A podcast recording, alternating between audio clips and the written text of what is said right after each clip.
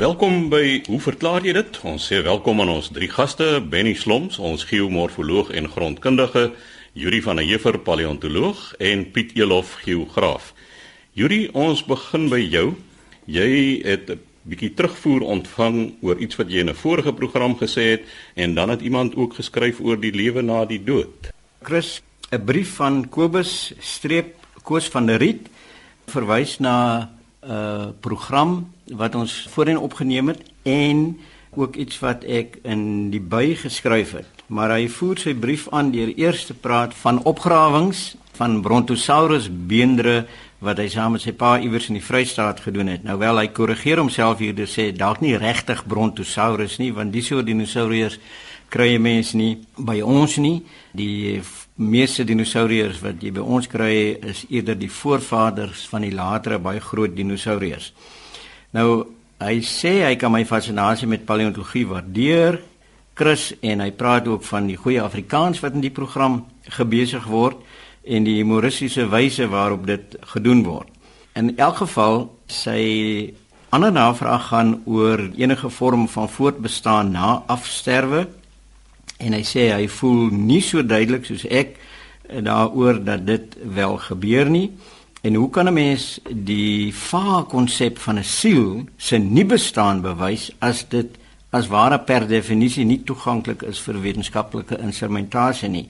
Nou, ek dink jy's korrek daarin. Ek dink in ons program wat ons daaroor gepraat het, het ons juis gesê dat die goed wat aangevoer word as wetenskaplike bewys vir die bestaan van 'n siel inderwaarheid nie wetenskaplik was nie. So daar is geen wetenskaplike bewys vir die bestaan van 'n siel nie. Ons kry ons persepsie van 'n siel uit die Bybel uit en ek het ook aangehaal van gesprekke wat ek met teoloë gehad het waar hulle gesê is dat die korrekte interpretasie van daai passasies in die Bybel is eintlik 'n beskrywing van die mens se siel. So die enigste bron wat ons het van die bestaan van 'n siel is ons interpretasie van Bybelse tekste en die teoloë betwyfel dit ook.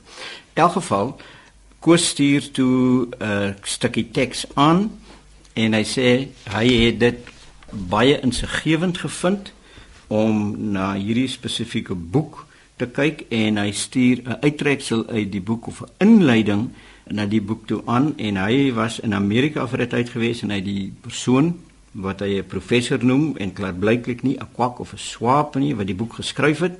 En dit gee vir 'n mens 'n idee van dat daar wel 'n uh, aspek van onsterflikheid as genadegawe is. Nou die opsomming wat hy saamgestuur het, wil ek net vlugtig na kyk want ek dink dis die moeite werd.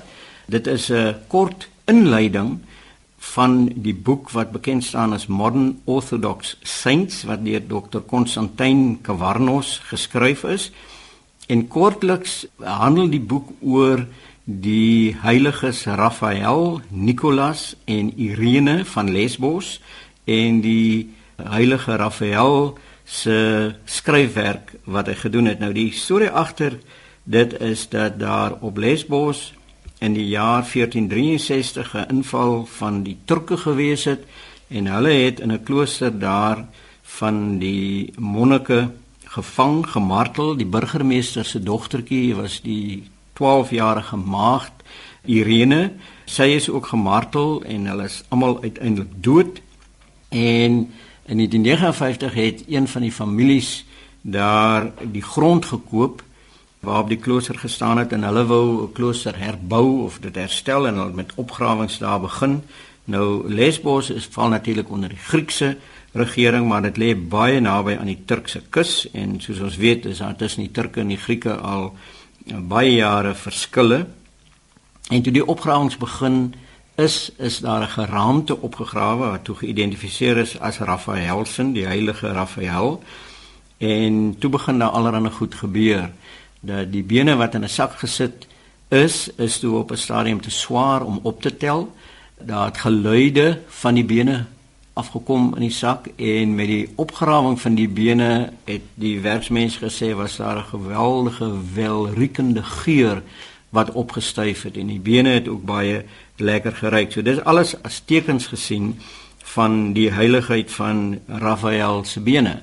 Op daai stadium in die 59 het die dorpse mense begin droom Hulle het visioene gesien en hierdie heiliges het aan hulle verskyn en hulle het aangebied om aan te toon waar daar moet opgegrawe word. Hulle het uh, siektes gesond gemaak en hulle het die inwoners besiel om meer geestelik te lewe alles in hierdie soort van lyn en ook om hulle sondes te bely. Nou dit is essensieel waaroor die boek gaan en die stukkie wat Koos van der Riet saamgestuur het gee dan ook 'n lys van hierdie geestelike berading wat die heilige Raphael gedoen het. En daar word 16 goed aangedui wat ons nou nie almal kan woordeliks deurlees nie. Ek wil net kortliks dit noem. So hierdie bekentenisse en die voordele wat hierdie uh, heilige nou gebied het gaan onder andere dat die bevolking moet 'n uh, liefde vir Christus behou, hulle moet nederig wees, hulle moet gereeld bieg om hulle geestelike lewe te vernuwe, hulle moet hulle siele versorg, hulle moet op die regte geestelike pad bly, hulle moet gehoorsaam wees aan God, hulle moet naaste liefde beoefen, hulle moet vergewens gesind wees, hulle moet geduldig wees in die geloof. En daar's 'n hele reeks goed oor hoekom 'n uh, geduldige gelowige mens sekere voordele sal geniet. Daar word klem gelê op die feit dat jy gereeld moet vas en die nagmaal moet gebruik. Jy moet gereeld bid. Daar moet sendingwerk gedoen word en uiteindelik sal jy die ewige lewe beerwe. Nou Koos, ek dink hierdie is wonderlike goed wat 'n mens kan doen, wat mense behoort te doen, maar as die onthullings van iemand wat gemartel is verhef is tot die staat van 'n martelaar en 'n heilige met hierdie idees vorendag kom, dan is dit vir my asof die dwarslat 'n bietjie laag geplaas is. Want dit is uniform aan feitelik alle godsdienste dwars oor die wêreld en baie van hierdie goed word selfs beoefen om deur mense wat geen geloof het nie om 'n goeie lewe te lei, om naaste liefde te openbaar, om moreel en eties nie te oortree nie. Mens sou verwag dat as jy so 'n verskynsel het van martelare wat aan 'n groep mense verskyn en allerlei boodskappe vir hulle bring en siektes gesond maak, dan dink ek behoort hulle 'n ietwat beter aanbieding te doen. Hulle behoort 'n beter boodskap te lewer, want dis nou mense wat tussen wêrelde kan beweeg en die ewige lewe ervaar het en nog steeds lewe. Hulle sê nooit iets oor wêreldvrede nie. Hulle sê nooit iets oor siektes wat werklik saak maak, soos diabetes mellitus, soos kanker of Alzheimer's wat hulle waarskynlik dan ook moet kan genees. Daar word niks gesê oor armoede nie. Dikwels aanvaar die Katolieke Kerk daar gaan net armoede wees en klaar. Daar word niks gesê oor oorloë, hoe om oorloë te vermy nie. Daar word niks gesê oor rasisme, hoe om rasisme uiteindelik tot 'n einde te kan bring nie. So die waarheidsaansprake wat gemaak word op grond van drome en van gesigte wat gesien word, is ongelooflik. En ek dink as dit kom by waarheidsaansprake, dan kan 'n mens as jy my toelaat om bietjie skepties te wees, want ek laat jou toe om hierdie goed te verkondig en ek admireer jou daarvoor dan dink ek dan moet 'n mens die dwarslat 'n bietjie hoër opskuif wanneer jy met hierdie wesens te doen het. Daar's elk geval gevalle waar die maagd Maria aan 'n dogtertjie in Italië verskyn het en mense nou verwag dat daar aardskuddende uitsprake moet gelewer word of riglyne vir ons as mense hoe om beter te lewe en al wat gewoonlik gesê word is jy moet bid, jy moet kerk toe gaan en jy moet jou tiendes gee. So dit is goed wat ons elk geval weet sonder die inmenging van enige heilige van een of ander aard. So, dankie vir hierdie brief wat jy aangestuur het. Ek vind dit 'n baie interessante gesprek, maar ek dink ons moet albei kante kans gee om daarom 'n paar stellings te maak. So sê Yuri van der Heever, ons paleontoloog. Benny, 'n luisteraar wil van jou weet wat veroorsaak die rooi afsettings buite Oudtshoorn. Dankie Chris. Ons het 'n e-pos ontvang van Charles van der Heever Die probleem met e-posse is, mens kan nie agterkom waar bly die mense nie. Maar Charles skryf die volgende. Hy sê wanneer 'n mens van Oudtshoorn na George ry oor die Outenikwa pas, dan kry jy ronde spoelklip wat blootgelê word met die uitgrawings langs die pad. Dis 'n kenmerkende rooi grond en natuurlik die geronde spoelklippe daarin. Hy wil weet hoe het die spoelklip daar gekom? So ongeveer 5 km buite Oudtshoorn. Charles, wat jy daar sien is kruidouderdom gesteentes. Ons praat in die algemeen praat ons van die eon afsettings. Dit is sandstene, skalies, konglomerate en kalksteen wat 'n baie baie interessante oorsprong het. Nou destyds met die opbreek van die kontinente, toe Gondwanaland opgebreek het, het tensio-tektoniek, met ander woorde trekspanning, aanleiding gegee tot die vorming van 'n halfgraven daar in die omgewing wat jy van praat. Nou graben is 'n Duitse woord vir 'n sloot of vir 'n grag. Dit is 'n blok land wat na benede verplaas word deur trekspanning en die grense van hierdie graven is gewoonlik breeksones wat parallel aan mekaar loop. So die uh, die kante van so 'n graven is gewoonlik baie styl. 'n Halfgraven is ook 'n stuk land wat na benede verplaas is, maar slegs aan die een kant. So jy het net 'n skeur gehad, 'n verskuiwing gehad aan die een kant wat na benede verplaas is. As ons praat van 'n graven waar die hele blok land gesak het, is die skeurvallei wat in Oos-Afrika voorkom, miskien die beste voorbeeld van hierdie verskynsel. Want ons weet dat daardie gedeelte van Oos-Afrika is besig om weg te beweeg van die kontinent en ons kry hierdie afsakking wat daar plaasgevind het. Nou soos ek reeds genoem het, het hierdie graven in die halfgraven 'n baie prominente eskarp daar waar hy afgesak het van die res van die omgewing. Nou dit het plaasgevind so 80 tot 100 miljoen jaar gelede en die materiaal wat in hierdie laagliggende trog die grawe aangesamel het, het aangesamel van die hoogliggende gebiede aan die een kant of aan weerskante van so 'n grawe. Nou hierdie voorbeeld hierso in Oudtshoorn is materiaal na die benede van die vallei verplaas en dit het daar aan die onderkant van hierdie halfgrawe net dit geakkumuleer. Nou daar is hierdie materiaal natuurlik aan verskillende erosieprosesse blootgestel. Onder andere is van hierdie materiaal herwerk Rivierwater het natuurlik 'n groot rol gespeel en dit is natuurlik die rede hoekom daardie klippe so gerond is. Oorspronklik toe die materiaal na benede verplaas is, was hulle nie gerond gewees nie, maar herwerking van daai materiaal het hulle hierdie pragtige uh, ronde vorm gegee.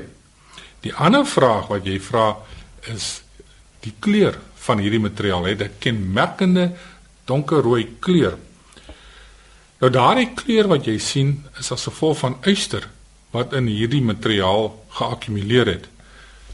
Onthou, hierdie materiaal is onder in die vallei, het dit aangesamel nadat dit na benede verplaas is en grondwater het natuurlik in hierdie materiaal inbeweeg. Yster wat in die grondwater voorkom, het beweeg na die laagliggende gebied in die gereduseerde toestand en soos daardie water nou weer verdamp het, is die yster geoksideer en het die yster neergeslaan. So die rooi kleur van hierdie materiaal is eintlik 'n sekondêre proses wat plaasgevind het met die inbring van yster deur grondwater.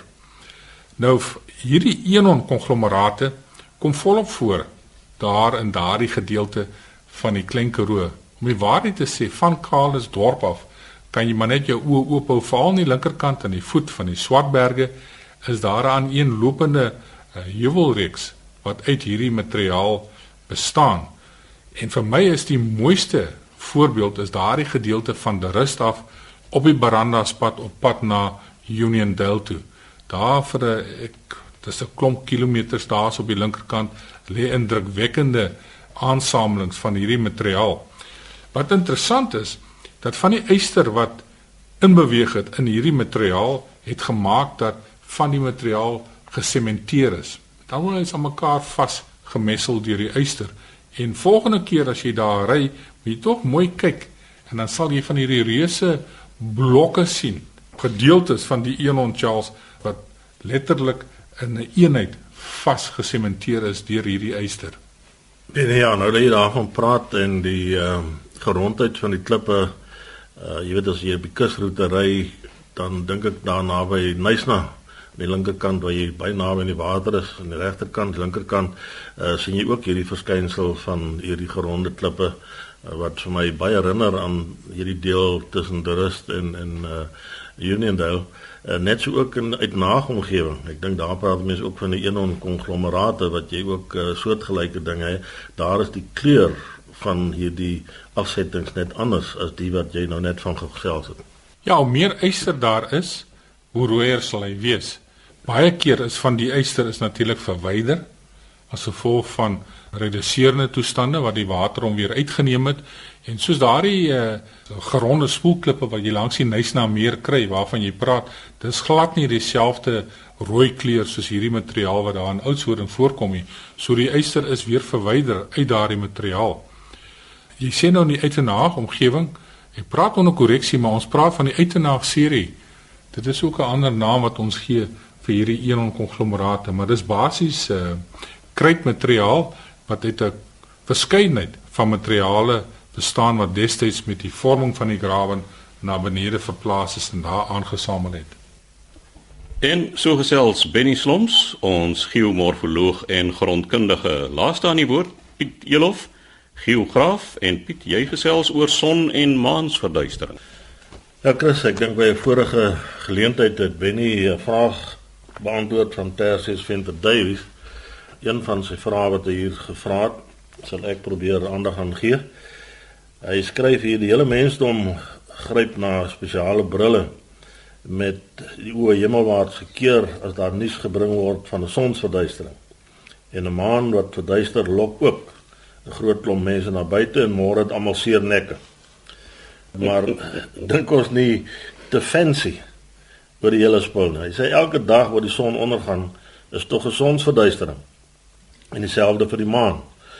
En tegnies is die maan soos hy deur sy baan beweeg nie verduister nie, maar ons sien net in dele. Ek het daaroor gesels in 'n vorige program ook en die gevolg is mos dieselfde as met enige verduistering. Ons hemelruim sê hy is elke dag vol dinge wat ons kan laat nadink sonder dat ons moet wag vir die goed wat een keer elke klomp jare plaasvind. Nou Tersius, ek dink nie dis heeltemal so eenvoudig nie. As ek dit so kan probeer verduidelik, ons weet die aarde wentel om die son en die maan om die aarde.